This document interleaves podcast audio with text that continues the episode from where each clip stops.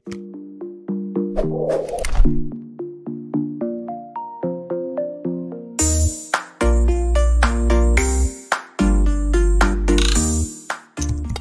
ini didukung oleh Desa WiFi Tol Langit Desa Indonesia. Selamat pagi, salam bahagia kerabat desa Indonesia. Kembali lagi kita bertemu dalam acara Kepoin Desa. Kita kepo-kepo tentang desa dalam satu semangat memuliakan desa-desa di Indonesia. Pagi ini ada yang menarik kita akan coba angkat uh, dari teman redaksi sudah menyiapkan tamu luar biasa kita. Ada Mas Amiruddin. Pagi Mas. Halo selamat pagi Pak. Suko Suryo Koco ya. Saya panggil apa Pak Tundang Mas wae lah. Nek bapak kita tua banget nek tua kan berarti senja senja kan menjelang menjelang kuput malah repot. Mas Amir sehat-sehat ya, Alhamdulillah sehat Mas. Mas Amir ada di mana ini sekarang? Saya ini ada keliling-keliling sekarang lagi di rumah mungkin lagi di rumah ini. Tadi malam baru turun dari Wonosalam Mas. Oh gitu Mas Amir posisi Bojonegoro eh mana saya di Sidoarjo ini. Sidoarjo. Iya. Sidoarjo berarti anu toh apa uh, penghasil lumpur terbesar di dunia. Oke. Okay. Ya.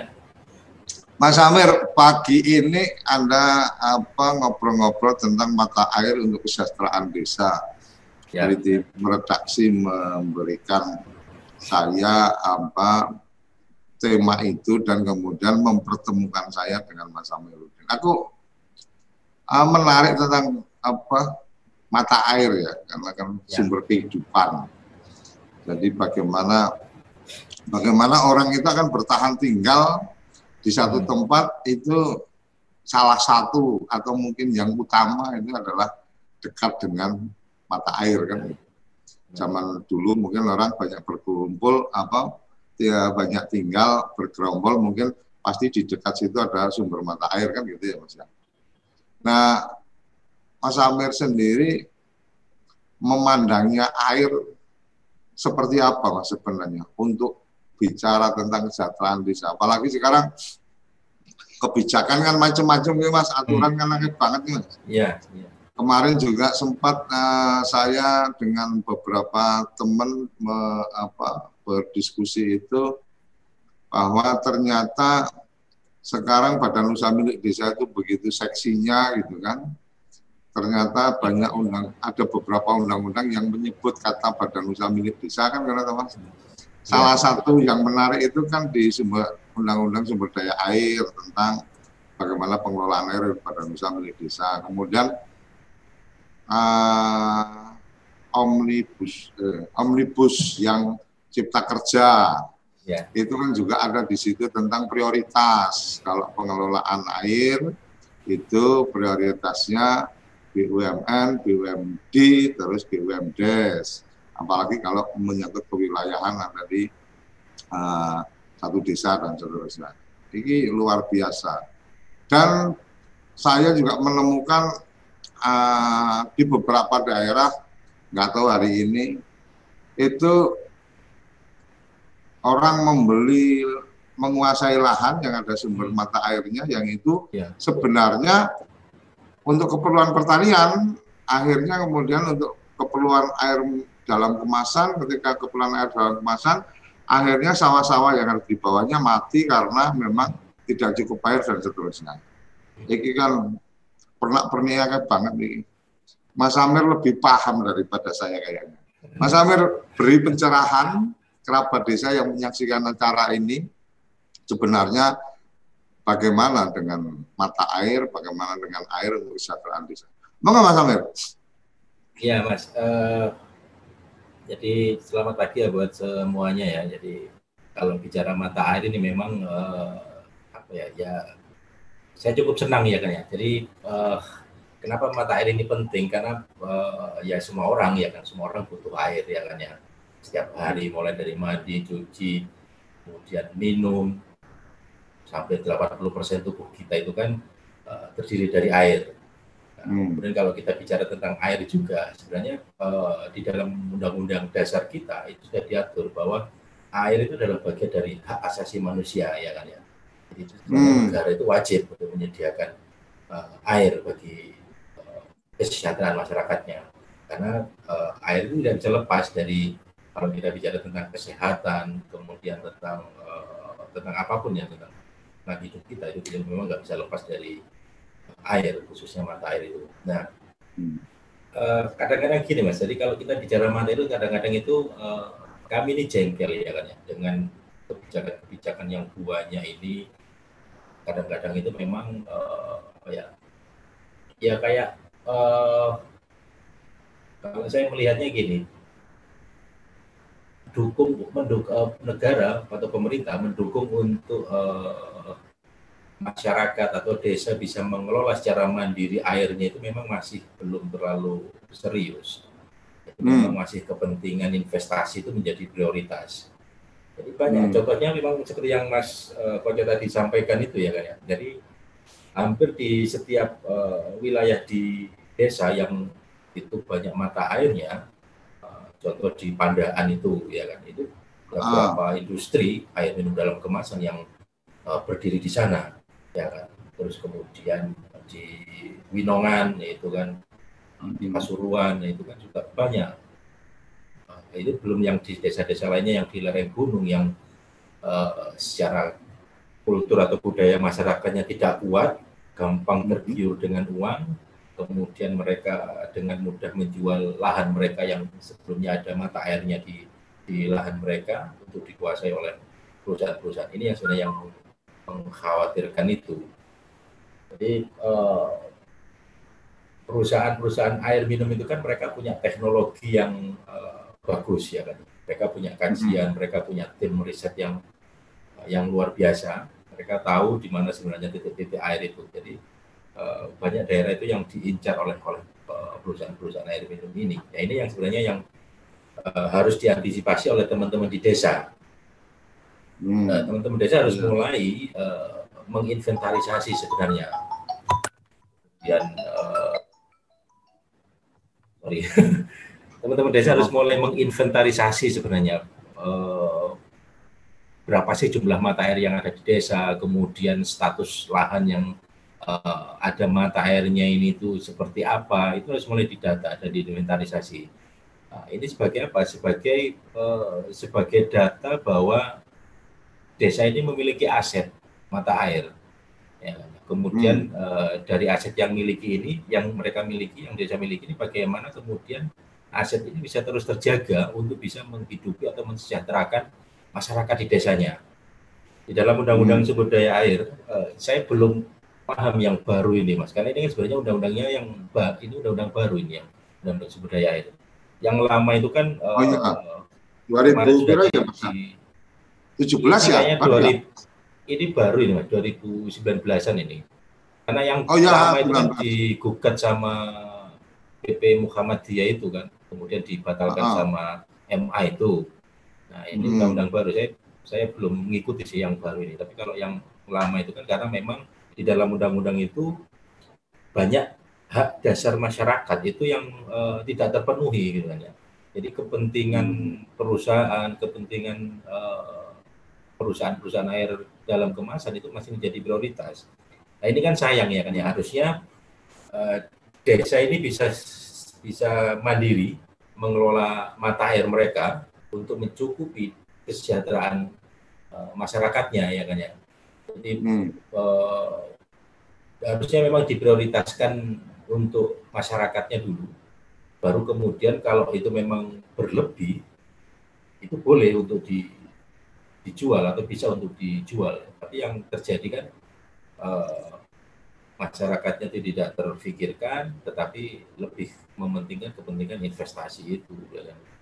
Itu yang terjadi. Nah, uh, saya banyak melihat di beberapa daerah itu ya, contoh yang uh, lama saya lihat itu di Wonosalam dan di Pandaan itu. Kalau hmm. boleh menyebut merek itu kan uh, seperti nah. Aqua kayak gitu itu ya kan. Ya. Uh, mereka itu memang selalu mencari sumber sumber-sumber air yang uh, uh, kualitasnya bagus di lereng-lereng gunung, ya, apalagi yang gunung-gunung aktif seperti uh, Ulirang, Arjuno, itu kan, itu kan kualitas airnya sangat bagus, mineralnya cukup cukup tinggi gitu kan. Tetapi dengan teknologi yang mereka miliki, ya kan, mereka itu sistemnya bukan sistem uh, konvensional yang seperti dilakukan oleh masyarakat.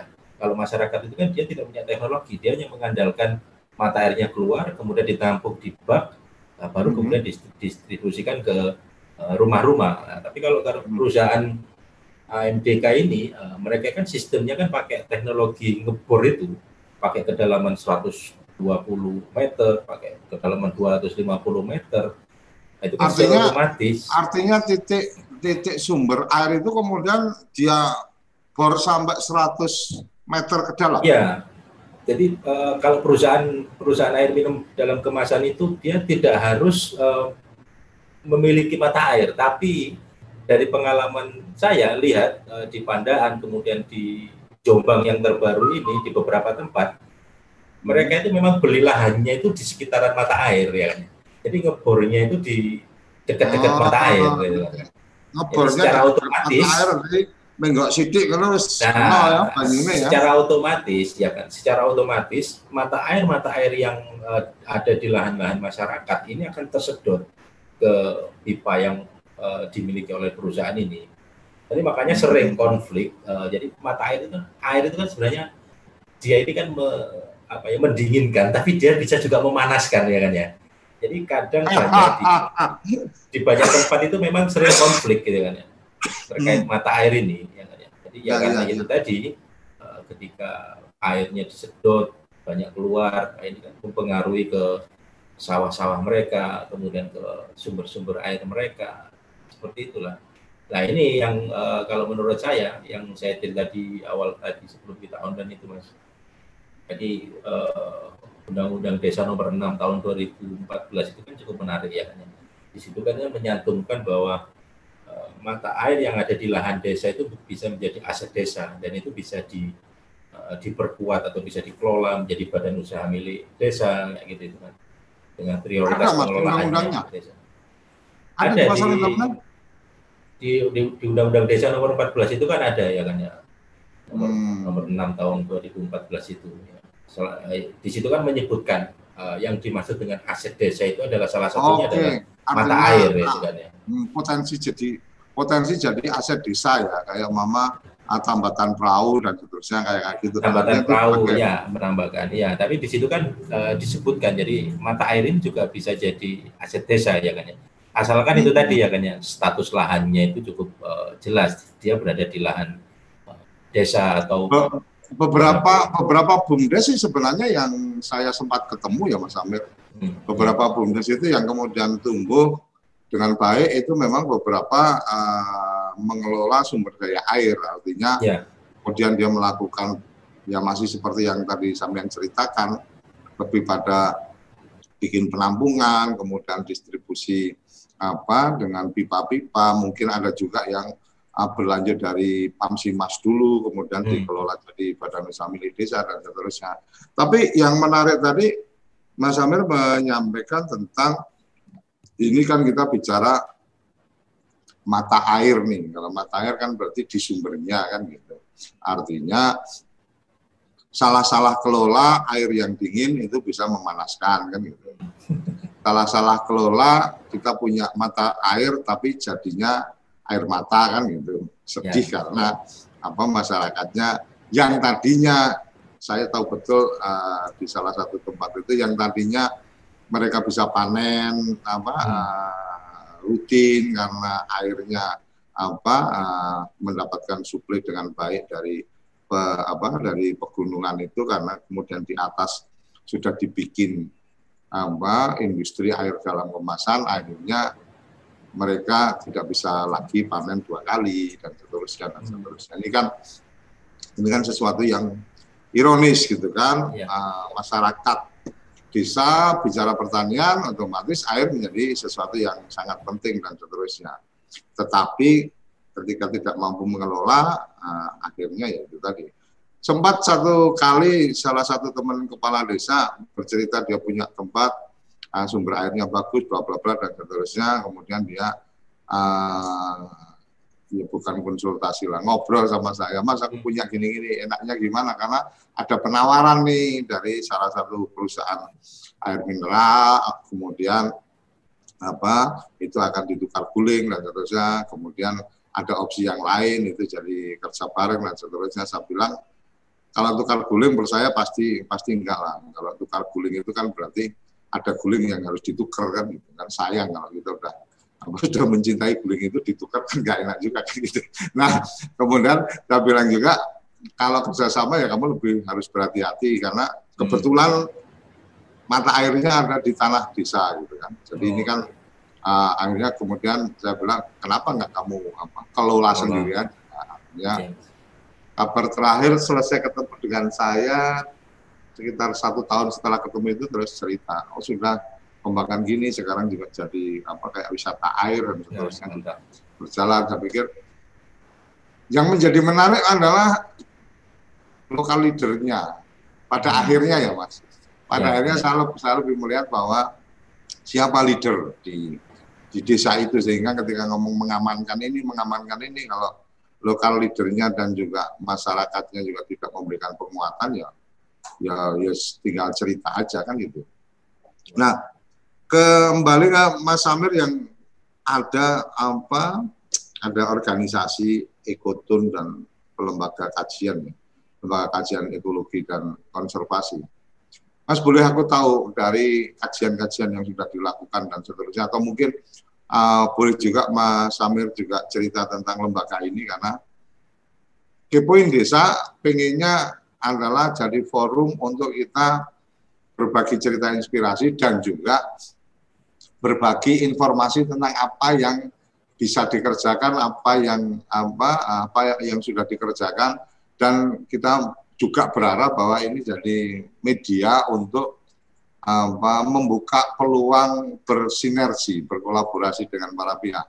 Mas Amir silakan ceritakan tentang apa lembaganya, ya. apa-apa yang sudah dikerjakan biar teman-teman juga oh ternyata aku butuh ini untuk kemudian konsultasi atau apa atau mungkin butuh didampingi dan seterusnya nanti teman-teman akan lebih mudah mengakses. Kira-kira gitu Mas. Mau Mas Amir? Ya. Uh, jadi terima kasih ya. Jadi sebelum saya cerita tentang ekotun ini, jadi Mas Kojo tadi menarik ya. Jadi memang kuncinya di kepala desa, ya kan ya. Hmm.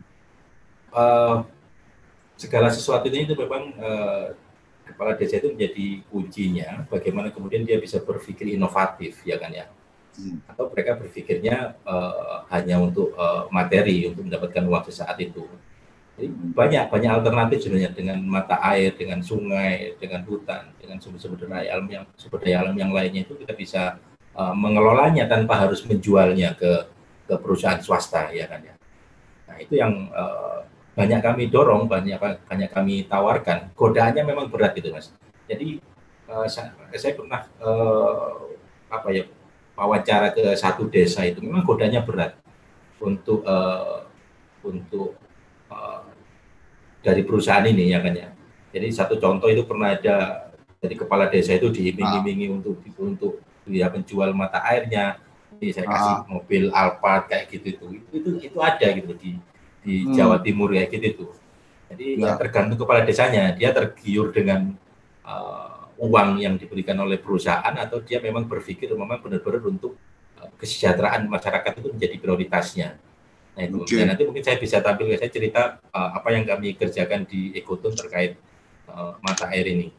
Jadi kalau uh, Ekotun ini sebenarnya kami ini kan lembaga lembaga lokal ya kan ya. Kami kantor kami ada di Kuringin. Mas Amir, Mas Amir kalau ada yang akan kalau ada yang akan dipresentasikan bisa loh Mas. Nah, apa uh, nanti, saya coba nanti tadi pagi saya coba cari-cari okay. uh, ya potongan-potongan foto-foto gitu lah nanti kita gitu. Yeah dan nanti akan tampilkan Jadi uh, jadi ekoton ini memang lembaga lokal kami nih mas. Jadi uh, fokus kami memang di uh, sungai sebenarnya. Tetapi hmm. kalau kita bicara sungai itu kan ternyata nggak bisa lepas dari uh, mata air ya kan. Jadi uh, hmm. dulu awalnya tahun 98-an 2000 itu kita banyak fokus di hilir di mangrove. Uh, kita banyak melakukan riset kemudian uh, pendidikan ke anak-anak kemudian melakukan advokasi itu. Habis itu kita geser ke sungai. Nah, dari hmm. sungai ternyata kan masalahnya cukup banyak ya kan ya, pencemaran dan macam-macam kayak gitu itu. Terus kemudian uh, kita melihatnya uh, kalau kita bicara sungai itu penyelesaiannya nggak bisa sepotong-sepotong, hilir, kemudian uh, ya, Nah, ini harus uh, integrasi. Jadi makanya kami mencoba untuk ya kita harus nyari di kawasan hulu, ya kan kita harus uh, mengedukasi mereka, kita harus meng, uh, apa ya, memberikan alternatif. Yang paling penting adalah mentransformasi pengetahuan itu ya kan ya. Jadi masyarakat hmm. desa itu harus kita beri pengetahuan bagaimana mereka harus uh, menjaga hutannya, kemudian menjaga mata airnya, menjaga sungainya karena ada hubungannya. Jadi uh, ini ini strategi politik kita sebenarnya. Saya tinggal di hilir. Ya. Saya konsumennya PDAM ya kan ya di hilir. Ya. Sidoarjo pun uh, meskipun tidak untuk minum tapi untuk mandi cuci itu kan kami pakai PDAM. Ya. Bahan bakunya kami tahu ya kan ya. Bahan bakunya PDAM itu kami tahu dari kali Surabaya, dari kali sidoarjo yang uh, secara kualitas itu sangat buruk. Ya. Ah. Nah, kalau kita bicara sungai itu kan sebenarnya sungai itu punya kemampuan untuk menetralkan dirinya, untuk menyehatkan dirinya itu punya kemampuan sungai. Karena sungai itu punya kemampuan, itu karena ya itu tadi ada mikroorganisme, ada biota dan ada tanaman dan macam-macam. Oke, oke, oke. Tapi itu secara alami sebenarnya. Jadi Tuhan itu kan sebenarnya sudah menciptakan uh, alam dengan secara alami dia bisa memulihkan dirinya sendiri ketika dia uh, sakit atau apa pun itu. Tetapi hmm. karena beban pencemarannya itu sangat tinggi, ini secara biologi, ilmu biologi kan gitu. Jadi karena bebannya lingkungan ini sangat tinggi, industrinya banyak, uh, limbah rumah tangganya itu juga tinggi, itu kan menjadikan beban sungai itu sangat berat. Jadi kemampuan untuk memulihkan dirinya itu terbatas. Nah, hmm. kami berpikirnya yang bisa membantu memulihkan itu adalah sumber-sumber air yang berasal dari kawasan-kawasan hulu. Jadi eh, ketika hulu, kawasan hulu hutannya masih terjaga, mata airnya masih banyak, kemudian dia makan, dia kan masuk ke sungai kita yang ada di Berantas ini di di Surabaya hmm. ini. Nah, itu kan bisa membantu memulihkan. Jadi di hulu itu kan airnya, mata airnya itu kan sebenarnya sumber energi yang luar biasa. Jadi masih hmm. bagus, kemudian energi airnya itu masih uh, masih bagus juga ya kan. Dia yang apa ya semacam peluang untuk membantu memulihkan sungai kita di hilir ini yang sudah mulai rusak ya kan. Uh-huh. bahan bakunya itu. Nah, makanya uh, tahun 2009 hmm. kami itu mencoba masuk ke satu kecamatan di Wonosalam Jombang untuk mencoba hmm. mengenalkan bagaimana mata air ini penting ya kan bukan hanya untuk masyarakat yang tinggal di kawasan desa di daerah hulu tetapi penting juga buat masyarakat yang ada di hilir hmm. yang saya cerita tadi karena sungai itu bukan sepotong-sepotong pengelolaannya tapi sungai itu sebenarnya satu kesatuan jadi bagaimana pengelolaannya itu harus bersama-sama harus ada kolaborasi ya kan antara masyarakat yang di hulu dengan masyarakat yang ada di hilir. Nah, tahun 2010 uh, eh, ketika kami masuk ke desa uh, 2009 jadi 2009 kami masuk ke desa, kami mencoba bikin kemitraan. Jadi karena di di ekotur itu kan uh, fokus kami itu kan ada tiga, mas. Jadi yang pertama itu kami melakukan riset, ya, okay. uh, riset tentang air, tentang uh, keanekaragaman hayati itu kami awali dengan penelitian. Jadi penelitian ini penting untuk bisa kita ngomong ke mana-mana untuk mendapatkan data, informasi apa pun itu kita dari penelitian kita. Nah, hmm. Kebetulan basicnya teman-teman di ekon itu di ekon itu adalah biologi. Oh, nah, kemudian okay. dari hasil riset ini itu kami gunakan untuk mengedukasi masyarakat. Ya, kami ke kampus, kami ke desa-desa, kami keliling untuk uh, menyampaikan hasil riset kami ini. Ya, cerita ya kan bahwa sungai kita tercemar, mata air kita mulai berkurang seperti itu. Nah, yang ketiga kami juga melakukan advokasi gitu mas jadi kami hmm. uh, kami melakukan advokasi. Jadi ada dua advokasi yang kita lakukan. Yang pertama itu adalah uh, kami mencoba untuk uh, mengupaya upaya legita, uh, upaya legitasi sorry. Yang kedua adalah non legitasi ya kan? Jadi hmm. yang uh, legitasi itu adalah yang ya kita melakukan gugatan ya jadi kita sering dua kali kita gugat gubernur Jawa Timur kemudian kita juga uh, menggugat Menteri Lingkungan Hidup, uh, kemudian kita menggugat Menteri PU kayak gitu tuh. Yang terbaru ini uh, baru tiga mingguan ini kita dorong perempuan-perempuan untuk menggugat perusahaan uh, perusahaan Wing, Surya dan uh, Indofood yang terkait produk sampah mereka yang banyak ditemukan dibuang di sumber air dan sungai-sungai kita. Jadi uh, ada ada beberapa perempuan yang sekarang lagi menggugat uh, dua perusahaan ini dan pemerintah ini. Jadi oh, yang, artinya yang, melakukan kegiatan-kegiatan aksi hukum ya? Ya, jadi yang saya cerita tadi ada dua advokasi yang kita lakukan, litigasi dan non litigasi. Yang litigasi itu kita menggugat yang non litigasi itu kita mengedukasi masyarakat kita dengan melakukan uh, kampanye-kampanye yang kreatif itu. Jadi hobi hmm. kami itu kan demo ya kan ya. Kami keliling ke uh, TTT ke, ke kami datangi gubernur, kami datangi menteri untuk melakukan demo dan macam-macam aksi-aksi kayak gitu itu.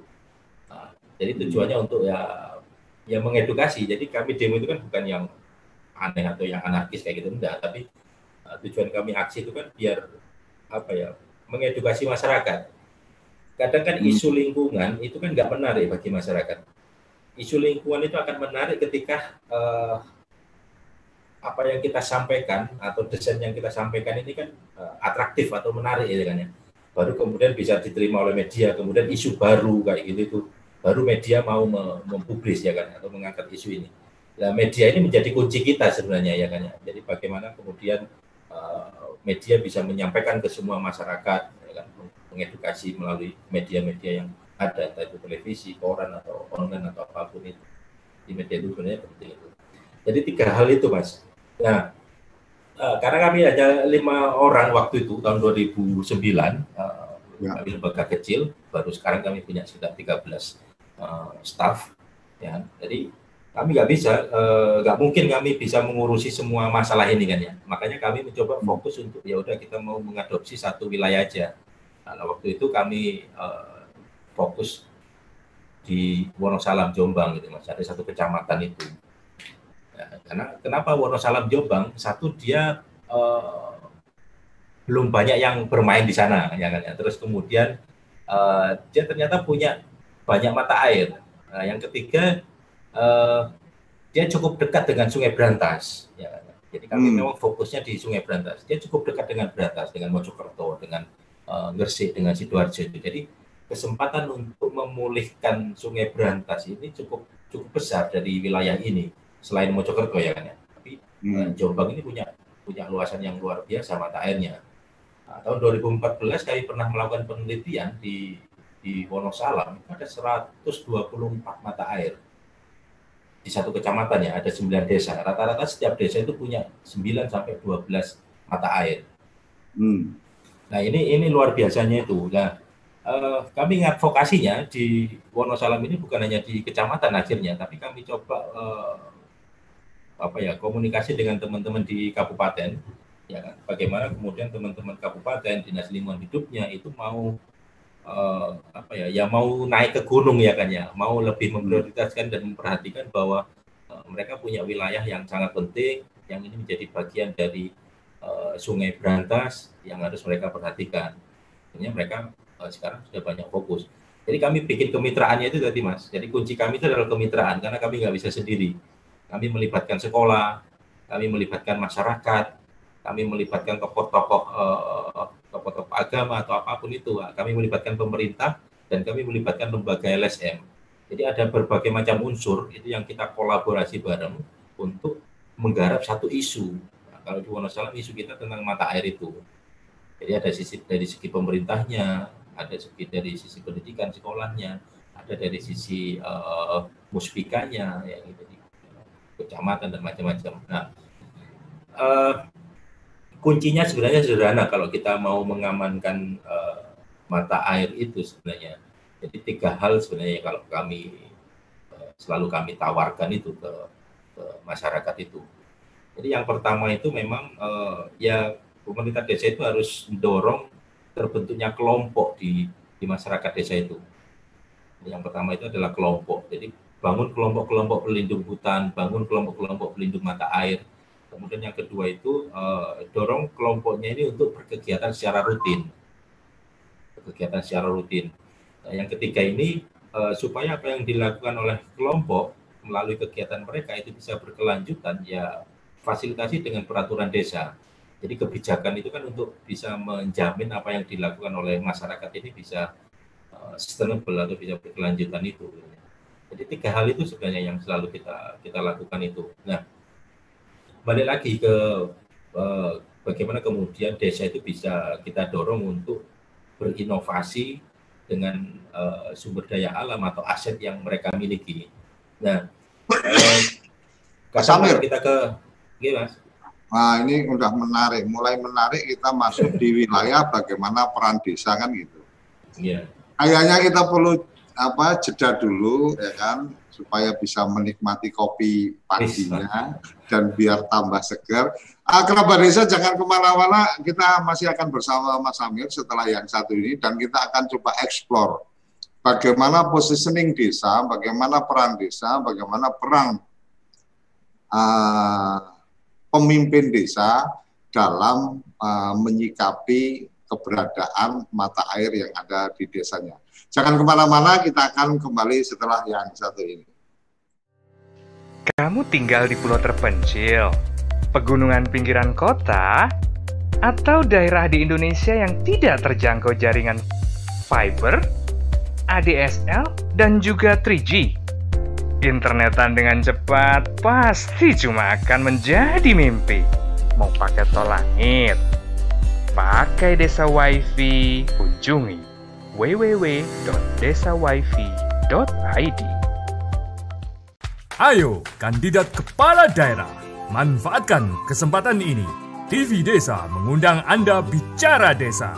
5 menit bisa. Bicara Desa. Sebuah program tayangan monolog, konsep membangun dari desa. Dari kandidat untuk masyarakat. 5 menit bisa. Bicara Desa hanya di TV Desa. Oke, kembali lagi kita di Kepoin Desa episode ke-65. Kedatangan tamu Mas Amir. Dan kemudian ini apa kita membicarakan tentang mata air. Dan tadi sampai di penggalan bahwa bagaimana nih peran desa dalam apa uh, mensikapi atau kemudian apa mengambil uh, perannya ketika kemudian di desanya itu ada potensi sumber mata air. Nah, Mas Amir, balik lagi tadi. Mas Amir sudah masuk ke tadi sudah sedikit masuk tentang bagaimana peran desa kalau peran Mas Amir dan teman-teman yang sudah mendedikasikan diri untuk konservasi lingkungan, untuk sumber daya air dan seterusnya tadi sudah tergambarkan bagaimana tentang kegiatan-kegiatan litigasi, kegiatan-kegiatan menlitigasi, edukasi kepada masyarakat, eh, apa pengambil kebijakan dan seterusnya. Kemudian bagaimana kemudian melakukan apa ya eh, edukasi ya, artinya memberikan apa informasi-informasi yang benar kepada teman-teman, kepada masyarakat. Nah, masuk ke wilayah desa di mana salah satu yang bisa menjadi aset desa adalah sumber apa mata air. Ini kan menarik juga. Kemudian sisi yang lain kita juga sambil masih harap-harap cemas menunggu juga ini apa badan usaha milik desa ini akan seperti apa kan gitu. DPD RI sedang merancang uh, undang-undang uh, RUU Badan Usaha Milik Desa, kemudian Cipta Kerja kemarin juga sudah bergulir juga apa di klausul uh, tentang Badan Usaha Milik Desa yang kemarin saya lebih suka mengatakan Badan Usaha Milik Desa ini apa dari 2014 Undang-Undang Desa Lahir saya sempat mengatakan bahwa ini kelaminnya nggak jelas kan gitu. Ini badan sosial atau badan bisnis gitu, walaupun namanya badan usaha, tetapi kalau kalau kita cari literasinya, ini masuk di badan hukum usaha yang sebelah mana kan belum ketahuan juga. Semoga nanti ada pencerahannya. Kemudian di Undang-Undang Sumber Daya Air juga menyebutkan tentang prioritas pengelolaan sumber daya air atau uh, prioritas pengelolaan sumber daya air itu diprioritaskan pertama ke badan usaha milik negara, kemudian badan usaha milik daerah, kemudian ada uh, yang berikutnya adalah badan usaha milik desa. Artinya memang isu ini menjadi penting, menarik, dan kemudian desa ini sebenarnya cukup cukup punya porsi untuk mengambil peran. Nah, sekarang Mas Amir kesempatan di sesi kedua ini berikan pencerahan nih kepada kerabat desa yang mungkin hari ini Anda juga yang sedang menyaksikan adalah mungkin kepala desa, mungkin perangkat desa atau mungkin ibu-ibu penggerak apa uh, eh, PKK di desa dan seterusnya supaya dapat ilmunya. Jadi uh, orang kalau apa semangatnya sudah ada tapi ilmunya nggak ada kan nanti jalannya juga bisa kacau yeah. balu gitu mas. Monggo Mas Amir sepenuhnya buat sampean pagi ini. uh, apa ya ya ya ya saya pikir yang pertama itu kalau kita punya mata air seperti yang di, saya cerita di awal itu ya ya coba diinventarisasi dulu. Jadi desa itu harusnya mendata berapa sih jumlah mata air yang masuk di dalam wilayah administrasi desa. Kemudian setelah punya data, coba kemudian uh, jadi desa punya kewenangan untuk buat kebijakannya ya kan ya? Kebijakan yang menjamin bahwa aset desa ini secara penuh dikelola atau uh, siapa pun yang mau menguasai itu harus melalui desa. Jadi uh, kebijakan ini harus dibuat. Jadi ini memang uh, dibutuhkan memang uh, ya keberanian dan uh, apa ya ya kemauan kepala desa ya kan ya? Hmm, hmm, hmm. untuk uh, untuk melakukan ini ya kan ya? Jadi jadi ya ya data dulu. Kalau kita mau uh, bicara tentang mata air itu kan ya kita harus punya datanya dulu. Berapa sih jumlah mata yang dimiliki oleh desa? Atau kadang gini mas jadi banyak uh, kadang desa itu dia tidak punya mata air tetapi mata airnya itu ada di desa yang lain. Ya itu banyak terjadi kalau di daerah-daerah pegunungan itu. Nah itu uh, biasanya memang uh, ada semacam sharing dari desa yang uh, dia tidak punya mata airnya tapi dia mau mengkonsumsi air yang dari desa-desa yang lainnya. Nah ini kan harus di, diatur. Jadi ya itu tadi ketika uh, mata air itu diatur dalam peraturan desa, desa itu bisa apa ya? Desa itu bisa menjadikan ini sebagai alat negosiasi ketika ya itu tadi ketika misalnya ada perusahaan itu mau menguasai atau membeli lahan uh, penduduk yang dia terdapat mata air seperti itu jadi ya yang artinya, dikuasai arti, dulu. Artinya Mas Amir menyampaikan bahwa legalisasi penguasaan mata air oleh desa itu menjadi penting setelah kita melakukan inventarisasi potensi mata air. Iya, kita kuasai dulu mata air ini, jadi aset desa, ya kan. Artinya dengan dengan posisi legal peraturan desa atau ya uh, harus ya, ya. Uh, okay. harus harus melalui peraturan desa itu tadi. Itu kan sebagai artinya, jaminan. Artinya kita boleh uh, boleh uh, saya mencoba mencoba mengeksplor ya pemaknaan tadi ya. ya. Apakah kemudian ini artinya uh, pemerintah desa itu kemudian memonopoli hak memonopoli atas potensi mata air itu. As, uh, amanat undang-undang dasar bumi air yang terkandung di dalamnya kan dikuasai oleh negara kan gitu.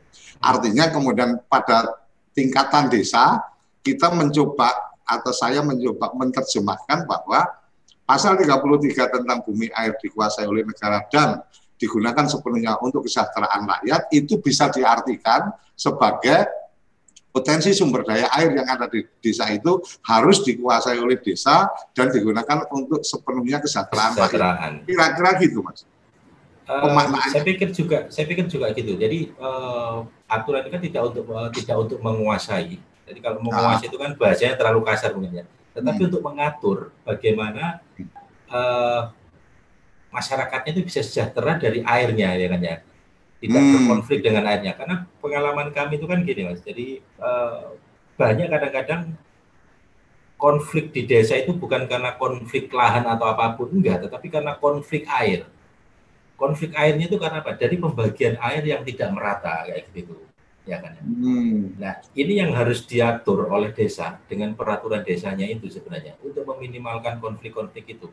Desa bisa mengakukan desa bisa mengintervensi melalui uh, melalui undang-undang atau peraturan desa ini ya kepada masyarakat yang uh, misalnya konflik atau bisa memfasilitasi konflik-konflik kepentingan atau terkait terkait masalah mata air yang ada di uh, desa ini.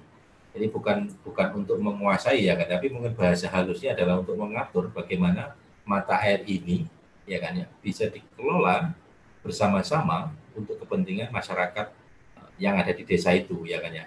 Ataupun kalau sekarang, uh, sekarang itu kalau bahasanya halus-halus ki kadang-kadang beberapa hal kudu dipertegas ya mas. Eh betul nggak mas? Ya bisa juga ya kan ya. Jadi uh, kalau penguas tapi kalau undang-undang itu kan dia uh, bisa menjamin bahwa ini tidak untuk kepentingan kepala desanya ya kan ya. Tapi ini untuk kepentingan betul. masyarakat bersama ya kan ya. Jadi undang-undang kan kayak gitu kan atau peraturan desa kan kayak gitu kan. Jadi ya saya pikir itu juga perlu ya kan. Itu juga penting ya kan. Jadi uh, data nah, dulu. Uh, berarti kan ada, ada tahapan prosesnya adalah bagaimana melakukan pendataan potensi yang dimiliki ya, kan gitu. Ya. Kemudian bagaimana membuat regulasi yang kemudian itu uh, quote unquote adalah bagaimana kemudian desa mengatur ya. uh, memang kemanfaatannya sebesar-besarnya untuk keperluan masyarakat di desa itu kan gitu. Jadi ya. yang menarik waktu itu salah satu yang kita sempat ketemu di Purbalingga itu hmm. karena sumber sumber mata airnya bagus gitu kan.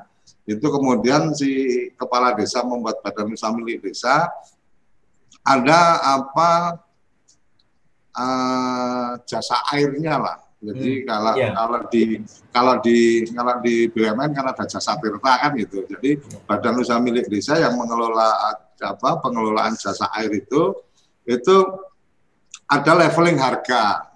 Kalau untuk yeah. warga berarti per kubiknya berapa. Kemudian yeah. di luar desa harganya jadi beda dalam yang satu kecamatan karena memang potensinya bagus ada juga yang sampai di luar kecamatan dia membuat harga yang berbeda dan seterusnya ya. artinya seperti yang tadi apa eh, Mas Samir sampaikan bahwa kemudian desa mengambil peran untuk membuat ya. regulasi-regulasi yang memberikan kemanfaatan apa besar kepada masyarakatnya kan gitu Mas kira-kira Mas. Benar Mas. Jadi nah, uh, selain regulasi, kemudian yang ketiga hmm. adalah desa ini dorong masyarakatnya untuk bikin kelompok kelompok perlindungan atau kelompok yang mengelola air ini.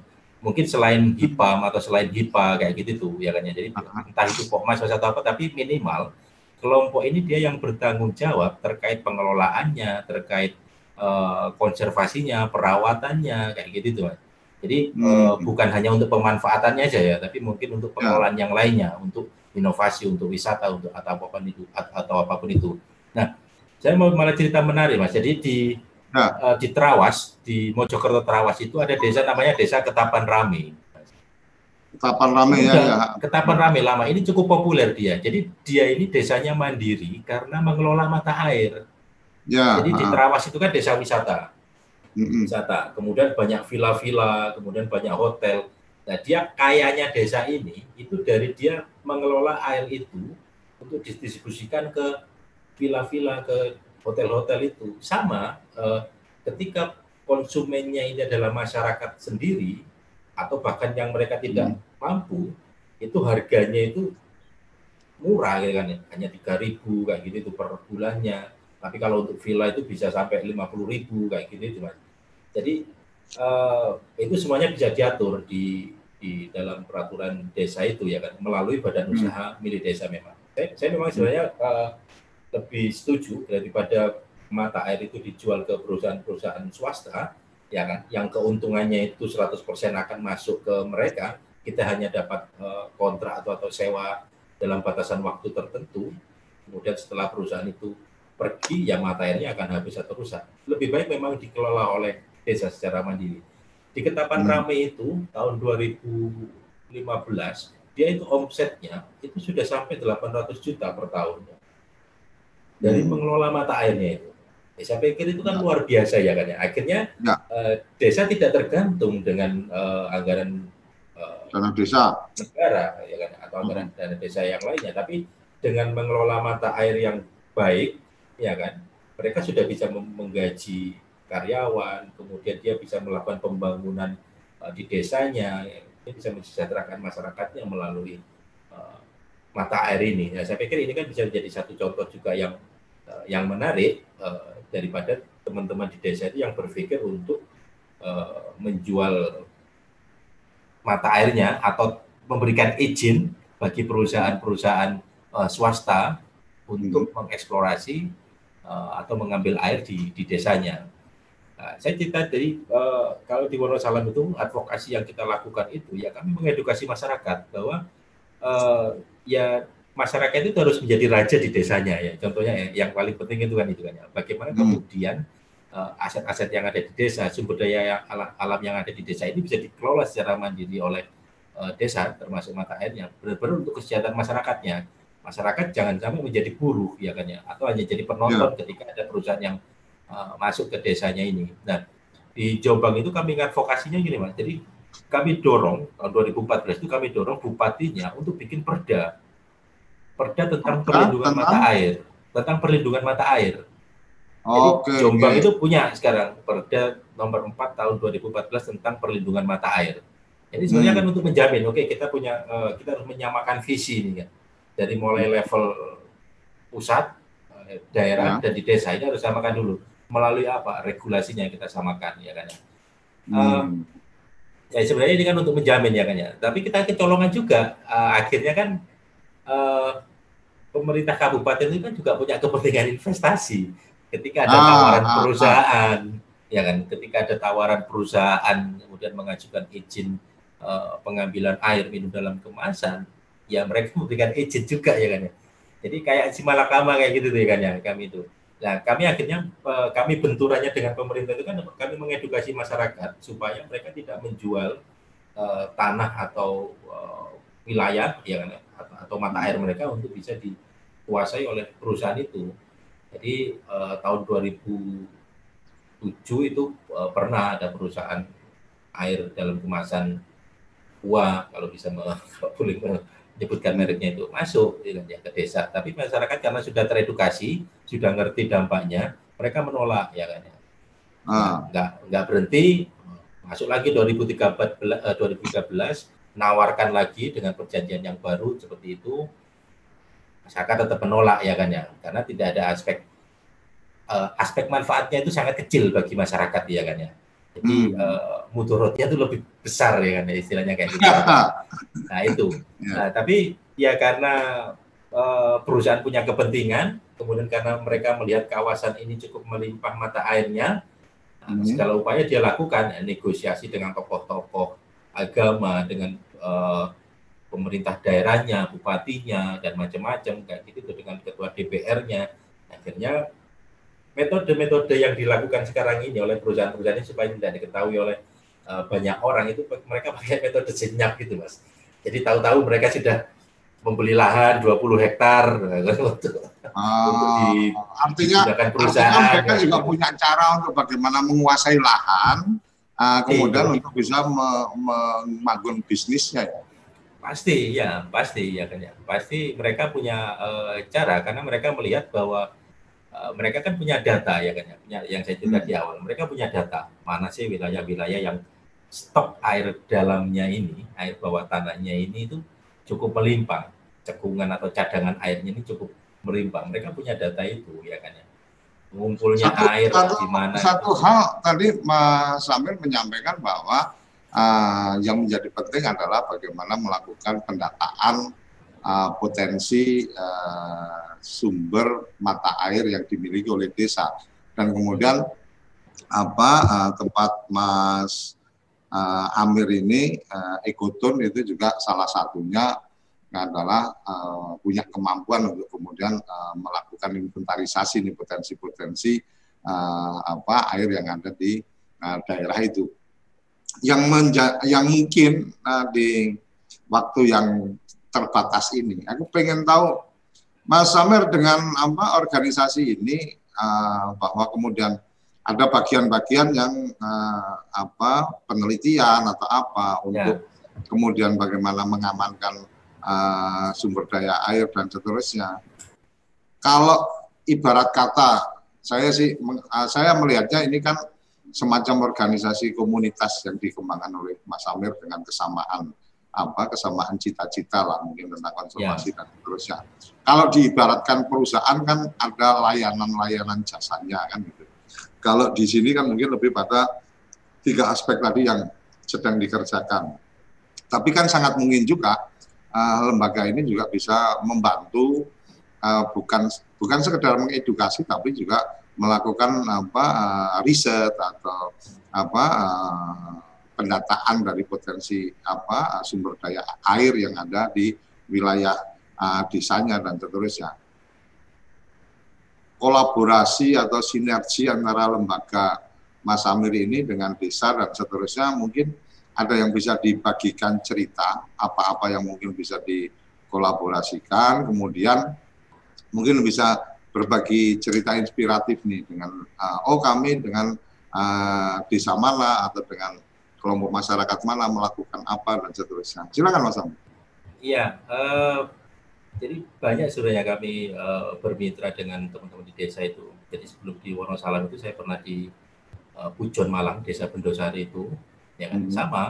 Jadi saya kami selalu uh, dan kami memang banyak tinggal di desa itu mas. Jadi hmm. kebetulan kalau yang di bagian pendampingan masyarakat itu kan saya ya kan waktu itu ya jadi saya terjun ke desa saya tinggal di desa satu tahun.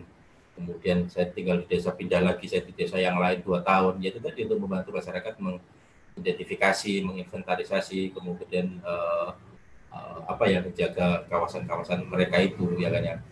Hmm. jadi sama kami selalu mengawalinya dengan riset itu jadi setiap desa hmm. kita awali berapa sih jumlah mata air kita kumpulkan semua orang di desa itu yang uh, mata ulunya atau siapa pun itu yang ngurusi air itu kita data hmm. berapa jumlah mata air di sana namanya apa uh, hmm. kalau kemarau gimana uh, sederhana sebenarnya uh, pendataan hmm. itu ya kan ya jadi sederhana hmm. sesuai dengan uh, apa yang dilihat oleh masyarakat apa yang dirasakan hmm. oleh masyarakat saja itu sebenarnya sudah sudah sangat sangat ilmiah jadi tidak hmm. harus uh, pakar yang uh, melakukan penelitian ini, tapi masyarakat dengan pengetahuan lokalnya itu sudah bisa dijadikan acuan data. Nah, hmm. nah kemudian di Wonosalam di beberapa tempat yang lainnya. Saya punya contoh, Mas. Uh, saya mau screen sebentar ya. Nah, boleh. Jadi uh, kelihatan nggak ya? Kelihatan. Nah ini. Jadi uh, rata-rata ini ini masalah. Jadi kami selalu melihatnya itu dari masalahnya apa sih gitu kan? Kenapa kemudian mata hmm. air ini tidak diperhatikan oleh masyarakat ya kan? Jadi hampir semua mata air kalau kami lihat di, di Jawa Timur ya kan?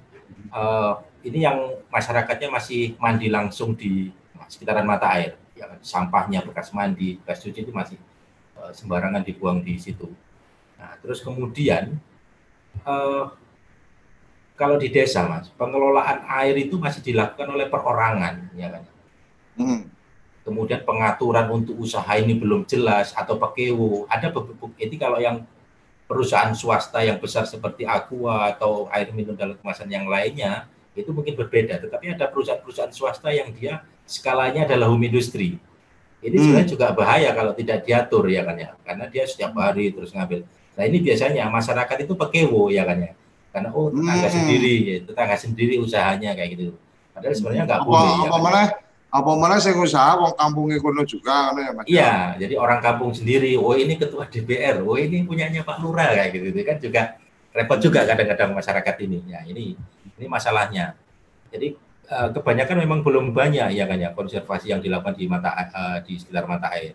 Kemudian papan informasi kemudian minimum minimnya masyarakat berpartisipasi Nah, belum ada kelompok yang khusus untuk uh, mengelola mata air. Ada kelompok yang dibangun oleh yang diinisiasi oleh pemerintah itu kan seperti HIPAM, HIPA itu kan masih fokus di uh, pemanfaatannya gitu loh, bukan secara keseluruhan. Hmm. Jadi kalau bicara mata air itu kan bukan hanya sebenarnya penting di titik keluarnya mata air, tetapi bagaimana kondisi catchment areanya, daerah tangkapan airnya, hutan di hulunya itu bagaimana ya kan ya. Hmm. Itu juga harus menjadi perhatian. Apakah hutannya juga ditebangi, atau hutannya dialih fungsikan itu juga menjadi masalah uh, mata air itu bisa keluar dengan baik atau tidak. Nah ini hmm. yang saya cerita. Peng kalau mata airnya itu ada di satu desa, kemudian desa yang lainnya tidak memiliki, pengelolaannya itu masih sebatas sektoral. Jadi kadang hmm. ada yang sampai konflik antara kepala desa ketika desa yang di bawah tidak punya mata air mau minta ke atas uh, tidak diberikan itu juga akan menjadi konflik ya kan ya dengan uh, pemerintah desa ini yang uh, jadi kami itu kan banyak melakukan riset bukan hanya di mata airnya tapi di bagaimana sosial uh, masyarakatnya itu. Nah, hmm. ada banyak hal sebenarnya Mas yang bisa kita lakukan untuk menyelamatkan mata air ini kan ya. Jadi hmm. uh, kami mengambil keempat-empatnya ini ya kan ya. Jadi kami melakukan advokasi uh, terkait mata air ya kan ya. Kalau di Wonosalam itu karena karena hampir semua catchment areanya daerah tangkapannya itu ada di wilayahnya perhutani. Ya, jadi kami dorong bagaimana perhutani ini juga harus proaktif ya, menjaga hutannya kayak gitu tuh. Kemudian kami melakukan riset dan pendidikan Nah, kemudian ekowisata ini yang juga kami tawarkan. Jadi uh, kami menawarkan ke masyarakat, ya kan ya. Jadi oke lah, kalau bicara hanya menjaga mata air, mungkin nilai ekonominya kecil. Tapi bagaimana dengan menjaga mata air, mereka itu dapat nilai ekonomi dari dari menjaga itu, dari menjaga hutan dan menjaga mata air. Akhirnya kita coba kembangkan uh, tahun 2011 kita bikin namanya wisata mata air gitu mas. Hmm. Wisata mata air berantas. Jadi kita mengkolaborasi antara hilir, hulu dan dan tengah. Nah, kebijakan ini penting untuk menjamin apa yang dikerjakan oleh masyarakat, kelompok yang dibangun ini bisa sustainable, bisa berkelanjutan. Hmm. Nah, itu dijamin melalui kebijakan ini. Kepala hmm. desa ganti boleh, tapi kebijakan itu kan akan terus melekat di di masyarakat ya kan ya. Ya. Ya di di Wonosalam di kecamatan uh, karena kami lama main di sini ya Mas. Jadi kami hmm. dorong pemerintah mulai dari tingkat desa itu kita dorong bikin perdes, kemudian uh, di tingkat kecamatan itu kita dorong camatnya untuk bikin SK. Jadi tahun 2010 itu camat Wonosalam itu dapat penghargaan camat prestasi mas di nasional hmm. karena dia bikin SK memberikan instruksi kepada semua kepala desa untuk menjaga mata air. Ya kan ya. Jadi sesuai dengan artinya ada surat keputusan camat bahwa ya. uh, apa uh, desa-desa yang ada di wilayah itu harus melakukan perlindungan mata air harus melakukan pendudukan mata air. Ini kan inovasi ya kan. Tidak semua nah. camat itu kadang-kadang punya inisiatif untuk melakukan hal seperti ini. Nah, 2014 kita dorong perdanya ini ya kan ya. Hmm. 2014 kita dorong perdanya tentang perlindungan mata air akhirnya terbit.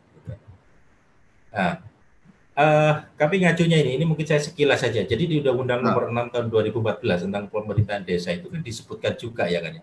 Jadi tujuannya hmm. kenapa uh, mata air ini harus di, dibuatkan perdes ya sebenarnya hmm. untuk memberikan kejelasan status uh, hmm. Atau kepastian hukum itu ya kan jadi mendorong prakarsa atau gerakan partisipasi masyarakat memperkuat masyarakat sebagai nah jadi mengatur untuk mengurus kepentingan masyarakat ini kan nah ya. ini mas jadi aset desa yang pasal 76 ini ya, kan? jadi bukan hanya tambatan perahu tetapi bisa jadi hutan milik desa atau mata air milik desa nah, itu kan harus hmm. di, di, dikuatkan dalam bentuk regulasinya itu Artinya artinya harus mem, apa uh, Mas Amir mendorong ada penegasan tentang mata air milik desa itu sebagai aset itu dalam satu bentuk apa regulasi atau dalam satu regulasi bentuk ya, ya oke okay. ya jadi regulasi apa, itu jadi supaya itu tadi uh, desa bisa apa ya bisa mengintervensi dan ini bisa hmm. menjadi alat negosiasi desa hmm. ya kan ya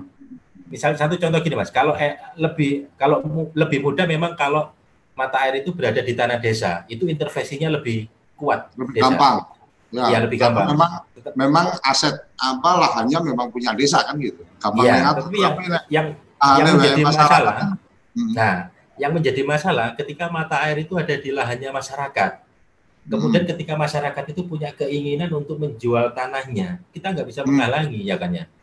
Tetapi kecuali kemudian dibeli oleh desa kan gitu mas. Kecuali dibeli oleh desa atau negara itu banyak terjadi kan. Jadi ini sebenarnya diskusi lama kami dengan teman-teman di kabupaten itu ya, ya pemerintah harus membeli lahannya ya kalau tidak mau uh, mata airnya ini dijual untuk uh, orang lain ya gitu kan ya.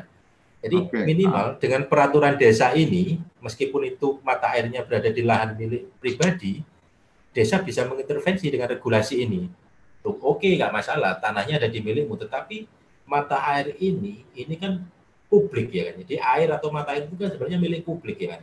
Meskipun hmm. dia berada di lahan milik pribadi, tetapi airnya itu tidak bisa dikuasai oleh pribadi, oleh perorangan.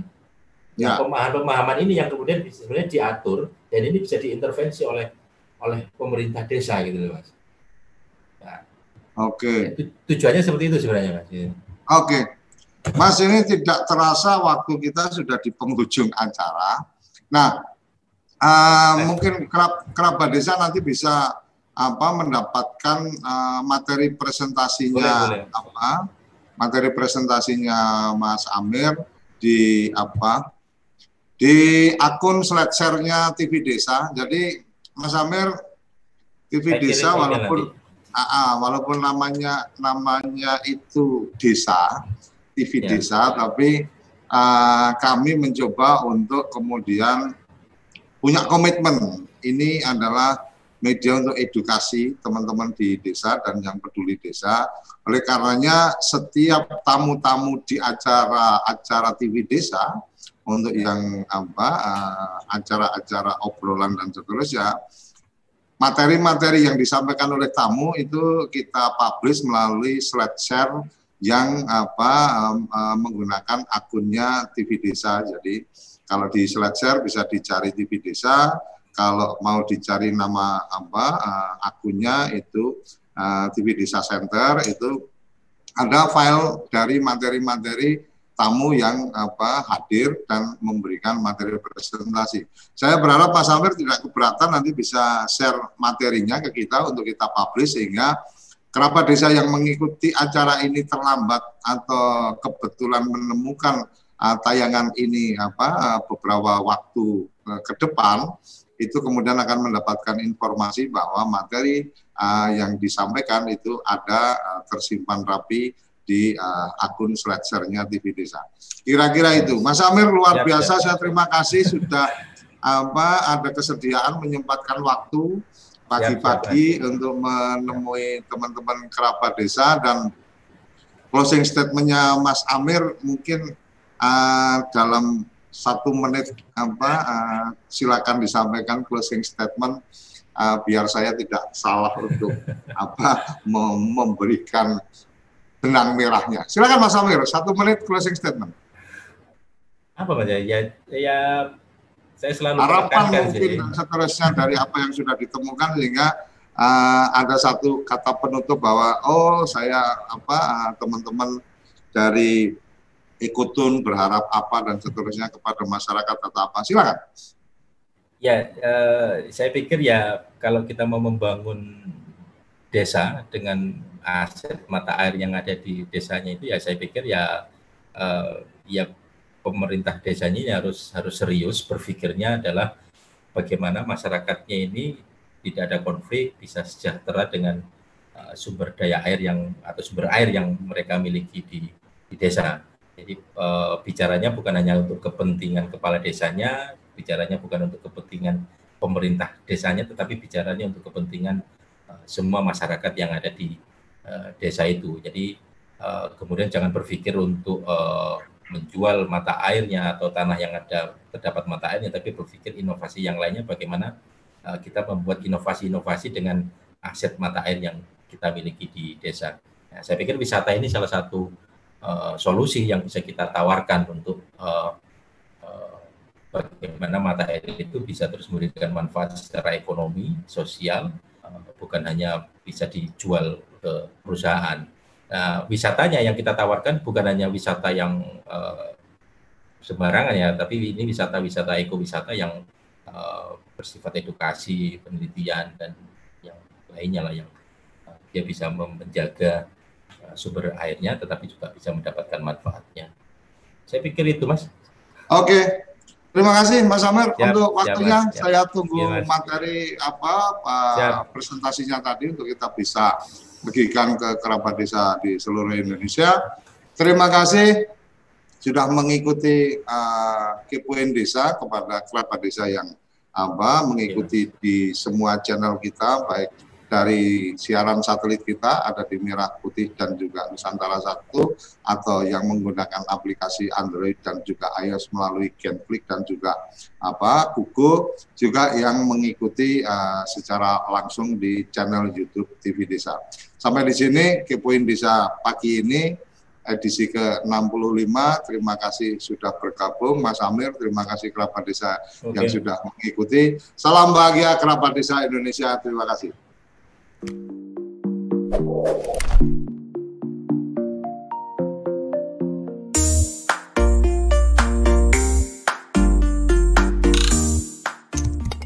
ini didukung oleh Desa WiFi Tol Langit Desa Indonesia.